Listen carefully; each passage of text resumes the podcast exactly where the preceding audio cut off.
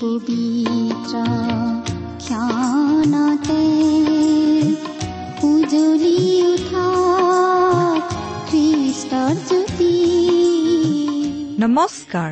আমাৰ মৰমীয়াল প্ৰভু যীশুৰ মহান নামেৰে আপোনাক এয়া ভক্তিবচন অনুষ্ঠানলৈ আদৰিছো।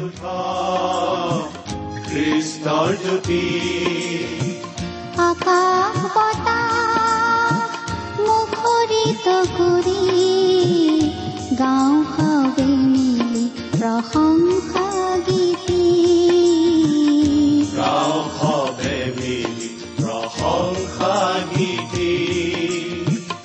আজিৰে পবিত্ৰ ক্ষণতে উজলি উঠা খ্ৰীষ্টৰ জ্যোতি ঈশ্বৰে আপোনাক যি অসীম প্ৰেম কৰিলে তাক যদি অনুভৱ কৰিব বিচাৰে আৰু তেওঁৰ অগম্য বাক্যৰ মৌ মিঠা সোৱাদ ল'ব বিচাৰে তেন্তে আহক আজিৰ ভক্তিবচন অনুষ্ঠানটো মনোযোগেৰে শুনো। এয়া আপোনালৈ আগবঢ়াইছো ঈশ্বৰৰ জীৱন্ত বাক্যৰ অনুষ্ঠান ভক্তিবচন। আমাৰ মহান ত্ৰাণকৰ্তা প্ৰভু যীশুখ্ৰীষ্টৰ নামত নমস্কাৰ প্ৰিয় শ্ৰোতা।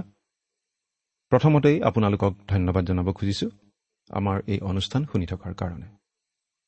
এই অনুষ্ঠান আপোনালোকৰ বাবেই এই অনুষ্ঠানত আমি ঈশ্বৰৰ মহান বাক্য বাইবেল শাস্ত্ৰ অধ্যয়ন কৰোঁ। বাইবেল ঈশ্বৰৰ বাক্য। বাইবেলত ইয়াক দুধৰীয়া চোকা তৰোৱাল বুলি কোৱা হৈছে।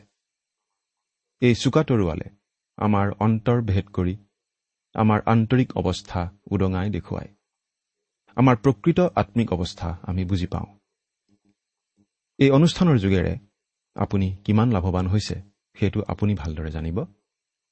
কিন্তু আপোনালোকৰ আগত এই অনুষ্ঠান আগবঢ়োৱা এই অধমে হ'লে ক'ব পাৰোঁ যে এই অনুষ্ঠানৰ জৰিয়তে এই অধম যথেষ্ট উপকৃত হৈছোঁ। কাৰণ আপোনালোকৰ আগত যিখিনি কথা আগবঢ়াব লগা হয় সেইখিনি কথা ঈশ্বৰৰ বাক্যই এই অধমকো কয়। প্ৰিয় শ্ৰোতা ঈশ্বৰৰ বাক্যক গুৰুত্ব সহকাৰে ল'বলৈ শিকিলে আমি আমাৰ জীৱনত নানা ধৰণে উপকৃত হ'মেই তাত সন্দেহ নাই। এই অনুষ্ঠান সম্বন্ধে আপোনাৰ বাৰু কিবা জনাবলগীয়া কথা আছে নেকি? আমালৈ চিঠি লিখি জনাবচোন। আমাৰ ঠিকনা ভক্তিবচন টি ডব্লিউ আৰ ইণ্ডিয়া ডাক বাকচ নম্বৰ সাত শূন্য গুৱাহাটী সাত আঠ এক শূন্য শূন্য এক। ভক্তিবচন T W R India postbox number seventy Guwahati seven eight one zero' zero' one. আমাৰ website W W W dot radio' eight eight two dot com আহকচোন সদায় কৰি অহাৰ দৰে আজিও প্ৰাৰ্থনাৰে বাইবেল অধ্যয়ন আৰম্ভ কৰোঁ হওক আমি প্ৰাৰ্থনা কৰোঁ। হে আমাৰ স্বৰ্গত থকা অসীম দয়ালু পিতৃ ঈশ্বৰ তোমাৰ মহান নামৰ ধন্যবাদ কৰোঁ। সকলো গৌৰৱ প্ৰশংসা তুমিয়েই পাবৰ যোগ্য। তোমাক অশেষ ধন্যবাদ কিয়নো তুমি আমাক সকলো ধৰণে আশীৰ্বাদ কৰি আহিছা। তোমাক বিশেষভাৱে ধন্যবাদ জনাওঁ কাৰণ তুমি আমাক উদ্ধাৰ কৰিবলৈ তোমাৰ একেজাত পুত্ৰ যীশুখ্ৰীষ্টকে জগতলৈ পঠালা যাতে তেওঁত বিশ্বাস কৰি আমি আমাৰ সকলো পাপ অপৰাধৰ পৰা ক্ষমা লাভ কৰি পৰিত্ৰাণ পাব পাৰোঁ আৰু তোমাৰ সন্তান হ'ব পাৰোঁ। প্ৰভু তোমাৰ মহান অনুগ্ৰহ অমৰ প্ৰেমৰ তুলনা নাই। তোমাৰ মহান বাক্য বাইবেল শাস্ত্ৰ অধ্যয়নৰ এই অনুষ্ঠান ইমান দিনে সুকলমে চলাই অনাত তুমি আমাক বিশেষভাৱে সহায় কৰিছা। এই অনুষ্ঠানৰ যোগেদি অনেক লোকক তুমি আশীৰ্বাদ কৰিছা।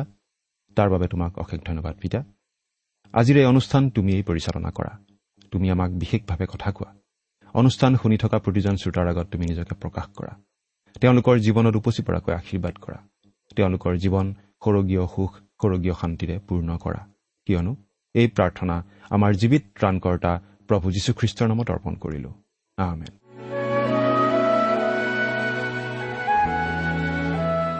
প্ৰিয় শ্ৰোতা আপুনি বাৰু আমাৰ এই ভক্তিবচন অনুষ্ঠানটো নিয়মিতভাৱে শুনি আছেনে? আমি বাৰু এতিয়া বাইবেলৰ কোনখন পুস্তক অধ্যয়ন কৰি আছো? আমি আজি কিছুদিনৰ পৰা বাইবেলৰ নতুন নিয়ম খণ্ডৰ পিতৰৰ দ্বিতীয় পত্ৰ নামৰ পুস্তকখন অধ্যয়ন কৰি আছো নহয়নে বাৰু? আপুনি যদি আমাৰ যোৱা অনুষ্ঠানটো শুনিছিল তেনেহ'লে আপোনাৰ নিশ্চয় মনত আছে যে যোৱা অনুষ্ঠানত আমি এই দ্বিতীয় পিত্ৰৰ পুস্তকখনৰ দুই নম্বৰ অধ্যায়ৰ প্ৰথম আৰু দ্বিতীয় পদ দুটা পঢ়ি তাৰ ভিত্তিতেই আমাৰ আলোচনা আগবঢ়াইছিলোঁ নহয় জানো? আমি যোৱা অনুষ্ঠানত এটা কথা বিশেষভাৱে আলোচনা কৰিছিলোঁ আৰু সেইটো হৈছে ভাৰিকোৱা উপদেশক বা ভুৱা শিক্ষকৰ কথা। পিতৰে এই পত্ৰখনৰ যোগেদি খ্ৰীষ্টীয় বিশ্বাসীসকলক সাৱধান কৰি দিছে যে অতীতত যেনেকৈ ইছৰাইলৰ লোকসকলৰ মাজত প্ৰকৃত ভাৱবাদী প্ৰকৃত ঈশ্বৰৰ লোকৰ লগতে ভুৱা ভাৱবাদীবোৰো আছিল ঠিক তেনেকৈ এতিয়া খ্ৰীষ্টীয় বিশ্বাসীসকলৰ মাজতো ভাৰিকোৱা উপদেশক ওলাব। এই ভাৰিকোৱা উপদেশকবোৰে সত্য কথা নকৈ নানা ধৰণৰ চলাহী কথাৰ আশ্ৰয় ল'ব। তেওঁলোকে প্ৰভু যীশুৱেই যে মানৱৰ মুক্তিৰ বাবে কৰিবলগীয়া সকলোখিনি কাম ক্ৰুচৰ ওপৰত সম্পন্ন কৰিলে আৰু তেওঁ যে খ্ৰীষ্টীয় বিশ্বাসীসকলক নিজৰ বহুমূলীয়া তেজেৰে কিনিলে সেই কথাকেই অস্বীকাৰ কৰিব। তেওঁলোকৰ তেনে কথা তেনে শিক্ষা শুনি বহুতো লোক তেওঁলোকৰ পাছে পাছে যাব। এনেবোৰ লোকৰ কাৰণেই খ্ৰীষ্টীয় সমাজৰ বদনামো হ'ব। এই কথা আমি স্বীকাৰ কৰিবই লাগিব। যে এনেকুৱা ভুৱা শিক্ষকৰ পয়োভৰ আমি সকলো পিনে দেখি আহিছো। প্ৰভু যীশুৰ পুনৰ আগমনৰ দিন যিমানেই ওচৰ চাপি আহিছে সিমানেই এনেকুৱা ধৰ্মভ্ৰষ্টতা বাঢ়ি যাবই বুলি আমাক বাইবেলৰ আন ঠাইতো কোৱা হৈছে। আজিৰ অনুষ্ঠানত আমি এই দ্বিতীয় পিতৰ পুস্তকৰ দুই নম্বৰ অধ্যায়ৰ তিনি নম্বৰ পদৰ পৰা আমাৰ অধ্যয়ন আৰম্ভ কৰিম বুলি ভাবিছো। অনুগ্ৰহ কৰি আপোনাৰ বাইবেলখন মেলি লওকচোন। বাইবেলৰ পৰা পাঠ কৰি দিম। অনুগ্ৰহ কৰি চাই যাব। আৰু লগত যদি বাইবেল নাই মন দি শুনিবচোন। পাঠ কৰি দিছো। দ্বিতীয় পিতৰ দ্বিতীয় অধ্যায় তৃতীয় পদ। তেওঁবিলাকে লোভৰ বশত কল্পিত বাক্যেৰে তোমালোকক ধন লাভৰ উপায় কৰিব। তেওঁবিলাকৰ দণ্ডাজ্ঞা পূৰ্বৰে পৰা ৰৈ নাথাকে আৰু তেওঁবিলাকৰ বিনাশ কলমতীয়াই নাথাকে। কল্পিত বাক্যেৰে। ইয়াত কল্পিত শব্দটো যিটো মূল গ্ৰীক শব্দৰ ঠাইত ব্যৱহাৰ কৰা হৈছে সেই গ্ৰীক শব্দটো হৈছে প্লাষ্টছ। ডক্টৰ জোচেফ এইচ থেয়াৰ নামৰ বিখ্যাত নতুন নিয়মৰ পণ্ডিত এজনে লিখিছে যে প্লাষ্টছ শব্দটোৰ অৰ্থ হৈছে গঢ় দিয়া সাঁচত দিয়া বোকামাটি মম বা শিলৰ পৰা কিবা এটা বিশেষ আকাৰ তৈয়াৰ কৰাৰ নিচিনা। প্লাষ্টছ এই শব্দটো বাৰু আমি সঘনাই শুনি থকা কিবা এটা শব্দৰ লগত মিলেনে? অলপ চিন্তা কৰি চাওকচোন। আমি আজিকালি প্ৰায়েই শুনি থকা এটা নতুন শব্দ যিটো শব্দ পাচনি পিতৰৰ দিনত নাছিলেই কিন্তু আন প্ৰকাৰে ক'বলৈ গ'লে সেই শব্দটো তেতিয়াও অলপ বেলেগ ৰূপত আছিল।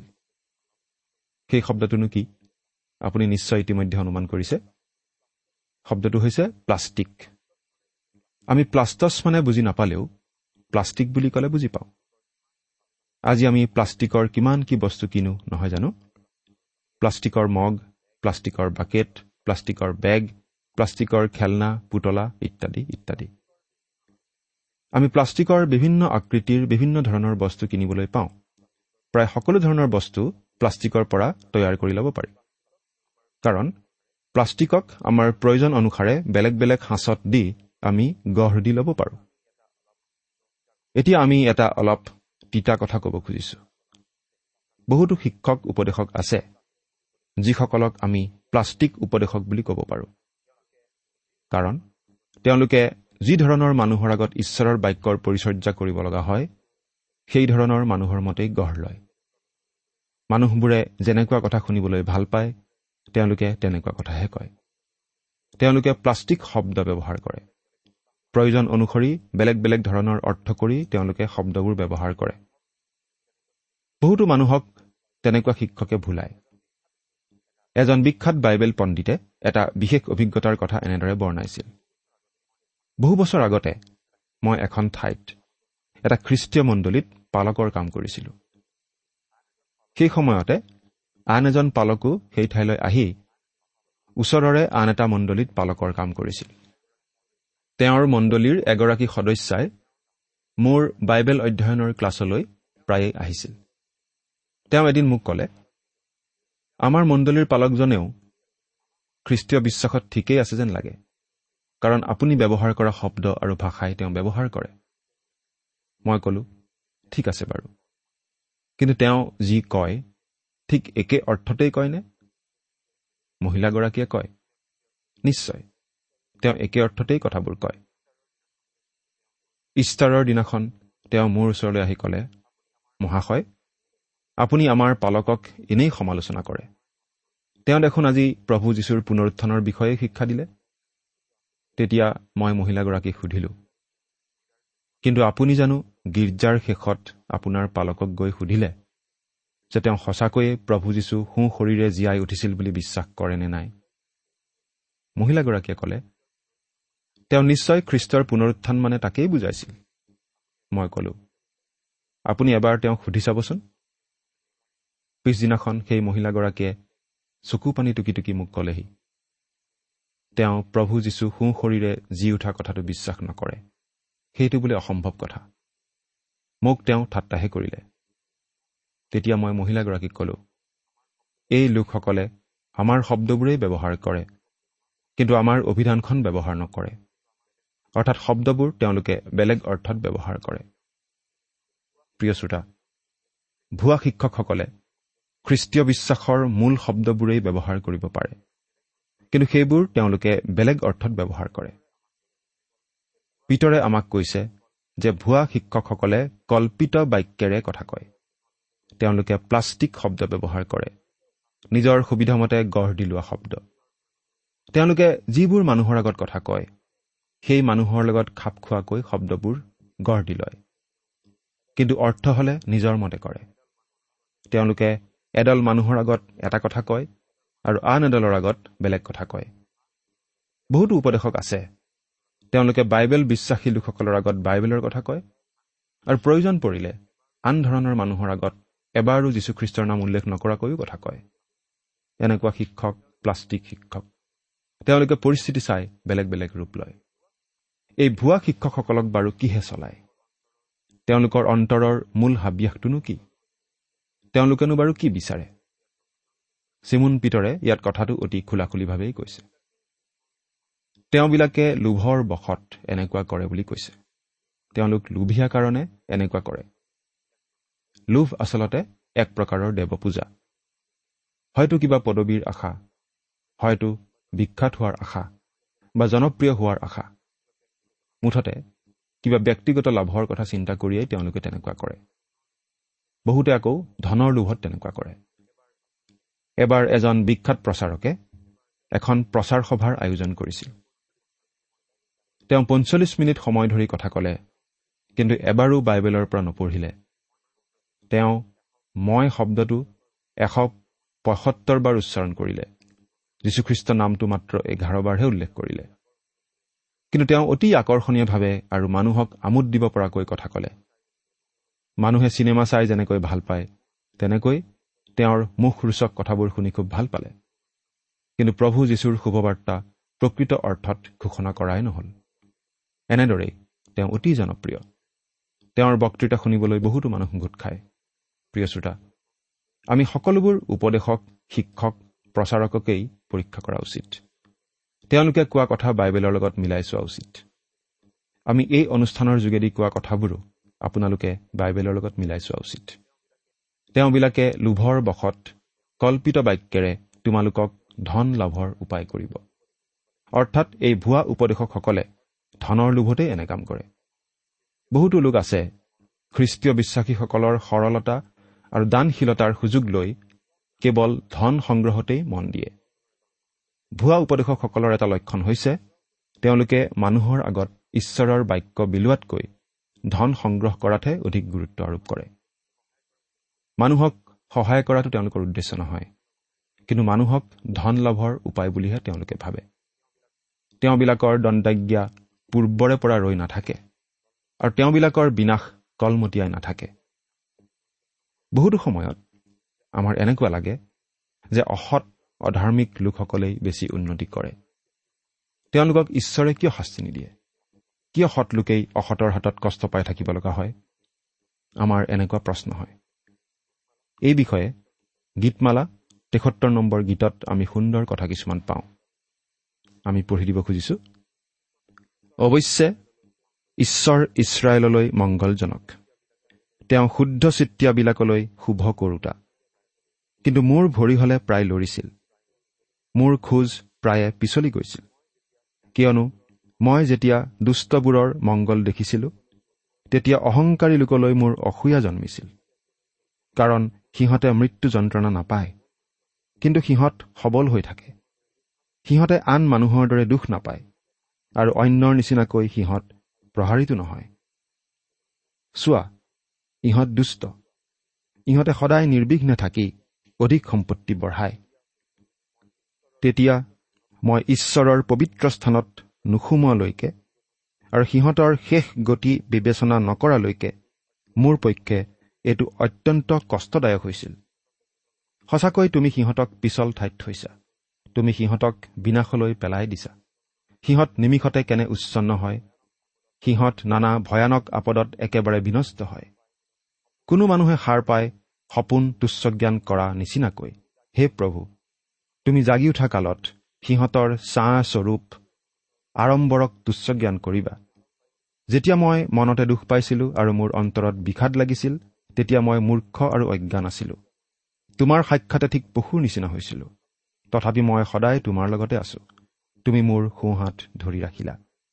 তুমি নিজ মন্ত্ৰণাৰে মোক পথ দেখুৱাবা আৰু পাছেকৈ মোক গৌৰৱেৰে গ্ৰহণ কৰিবা। তোমাত বা যে স্বৰ্গত আৰু মোৰ কোন আছে? যাত মই সন্তোষ পাওঁ তোমাৰ বাহিৰে পৃথিৱীত মোৰ কোনো নাই। গীতমালা তেসত্তৰ নম্বৰ একৰ পৰা পাঁচ পদ বাৰ নম্বৰ পদ আৰু সোতৰৰ পৰা পঁচিছ পদ। এৰা ঈশ্বৰে এদিন সকলোৰে বিচাৰ কৰিব। কোনো সাৰি যাব নোৱাৰে। অধাৰ্মিক লোকৰ দপদপনি দুদিনীয়া মাত্ৰ। খ্ৰীষ্টীয় বিশ্বাসীসকলক কোৱা হৈছে তেওঁলোকে যাতে অন্যায় সহন কৰে আৰু কেতিয়াও প্ৰতিশোধ নলয়। হে প্ৰিয়সকল তোমালোকে অন্যায়ৰ প্ৰতিকাৰ নকৰিবা কিন্তু ক্ৰোধলৈ ঠাই থবা কিয়নো এনে লিখা আছে প্ৰভুৱে কৈছে প্ৰতিকাৰ কৰা মোৰ কৰ্ম মইহে প্ৰতিফল দিম। ৰুমিয়া বাৰ অধ্যায় ঊনৈছ পদ। প্ৰতিশোধ লোৱাৰ দায়িত্বও ঈশ্বৰে লৈছে। ইয়াতো পিতৰে এই কথা কৈছে যে এই সকলোবোৰ ভুৱা উপদেশকক ঈশ্বৰে এদিন প্ৰতিফল দিবই। আমিও বাইবেলৰ পৰা কি শিকাওঁ তাৰ জবাবদিহি এদিন ঈশ্বৰৰ আগত দিব লাগিব। কেতিয়াবা আমাৰ এনেকুৱা লাগিব পাৰে। ঈশ্বৰে টোপনিয়াই আছে নেকি? তেওঁনো সোনকালে অপৰাধীবোৰক প্ৰতিফল কিয় নিদিয়ে? কিন্তু ঈশ্বৰে তেওঁৰ সময়মতে তেওঁৰ আঁচনিমতে কাম কৰি আছে। এতিয়া পিতৰে আমাক অতীতৰ পৰা তিনিটা বিশেষ উদাহৰণ দিব। ঈশ্বৰৰ প্ৰতি দেখুওৱা অবাধ্যতাৰ উদাহৰণ আৰু তাৰ প্ৰতিফল। প্ৰথমতেই তেওঁ উদাহৰণ দিব ঈশ্বৰৰ বিৰুদ্ধে পাপ কৰা স্বৰ্গদূতবোৰৰ কথাৰে। সেই কথা আমি পাওঁ চাৰি নম্বৰ পদত। ছয়তানে কেনেকৈ কাম কৰে সেই বিষয়ে আমি এটা ধাৰণা পাওঁ।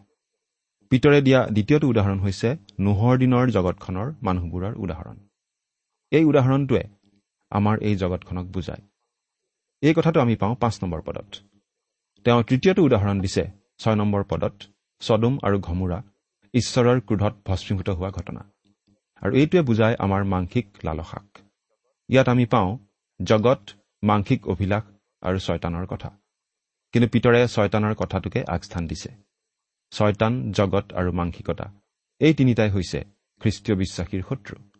সেইবাবে পাচনি জোহনে এনেদৰে লিখিছে তোমালোকে জগতক বা জগতত থকা বিষয়বোৰক প্ৰেম নকৰিবা।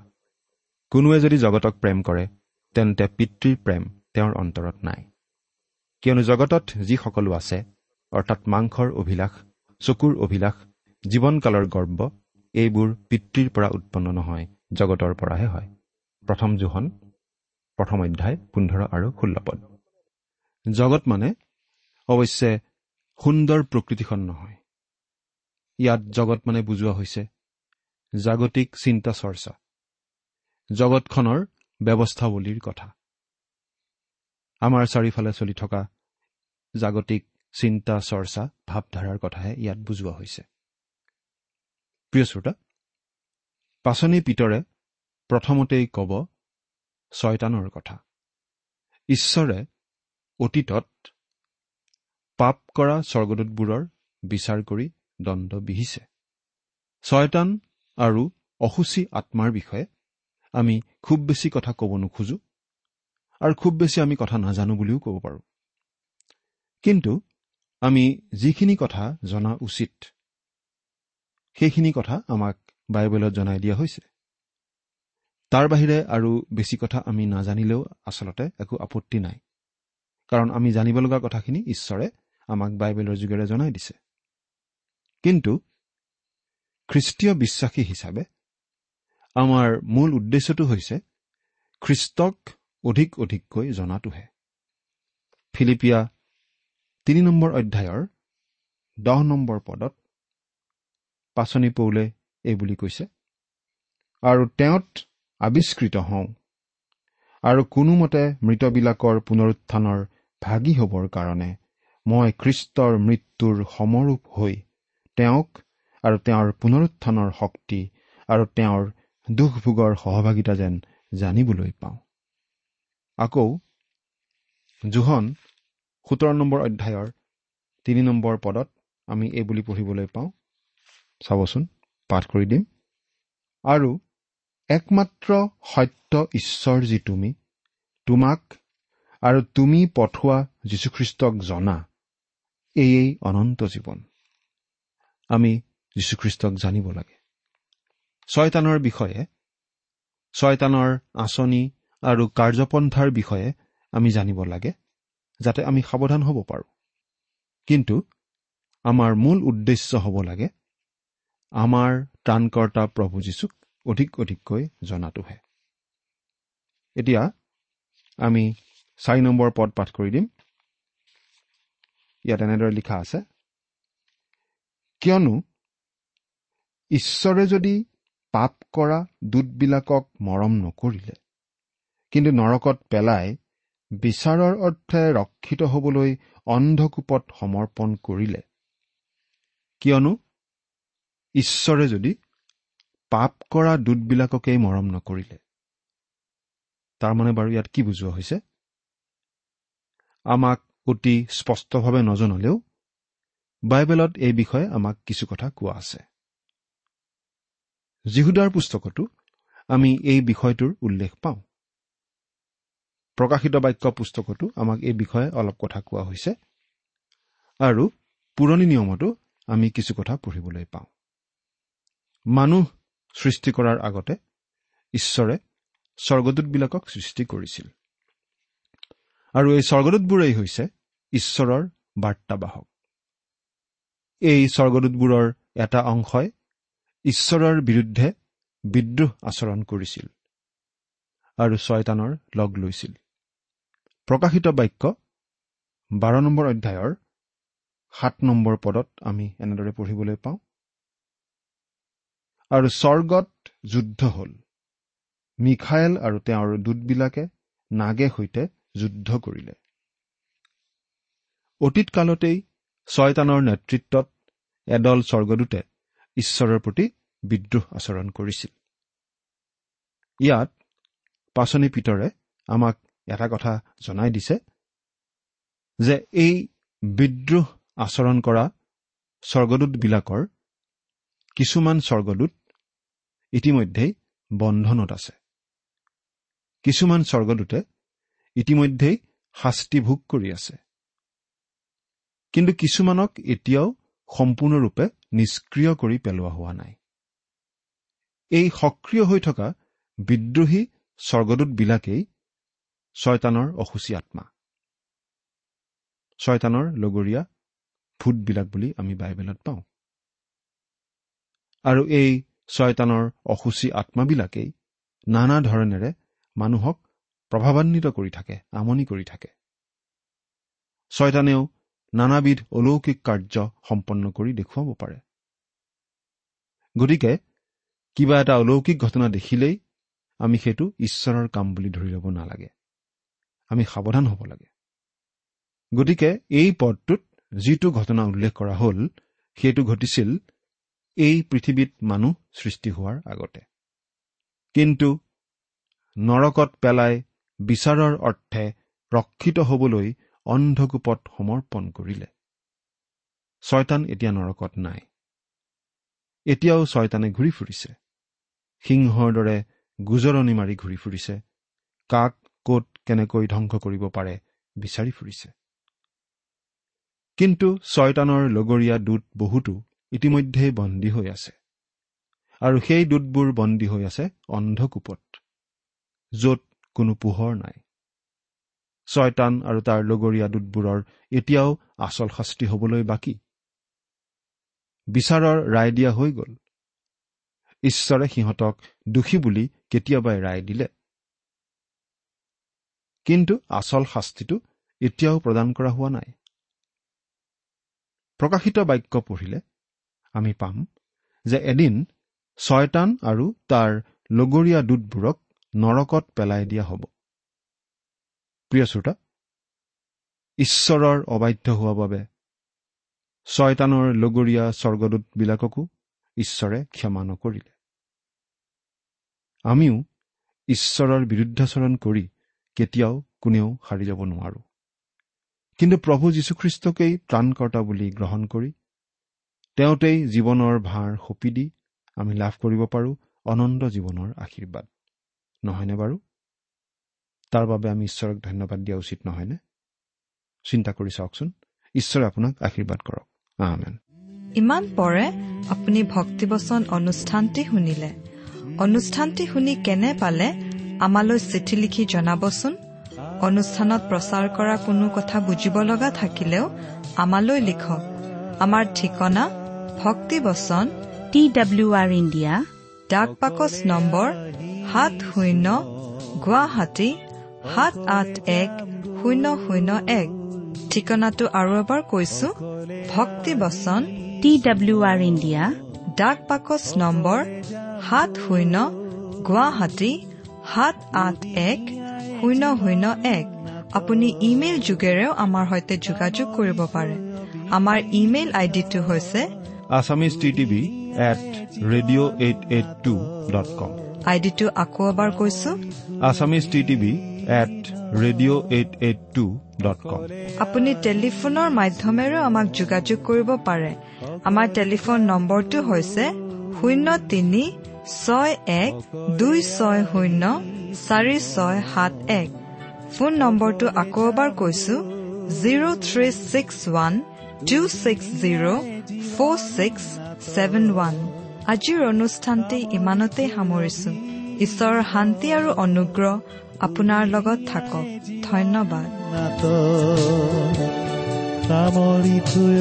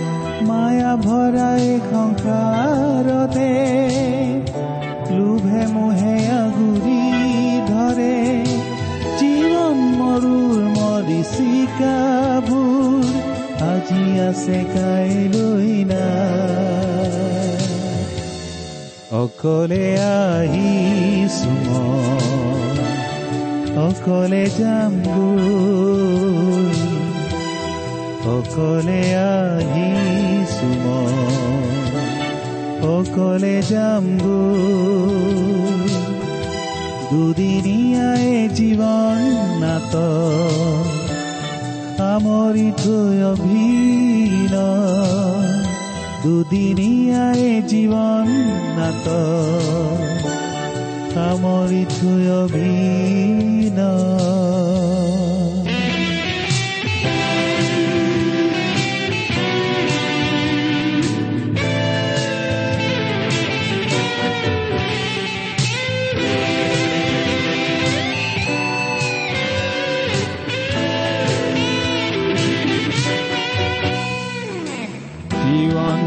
অন্তর অন্ত পড়িলে মাটির দেহাতি মাটিতে মিলিরে জীবন নাথ অন্ত পড়িলে মাটির দেহাতি মাটিতে মিলিলে ধনৰ টুকুলা বিরাকি বহলা ধনৰ টুকুলা বিরাকি বহলা যাম ফসলকে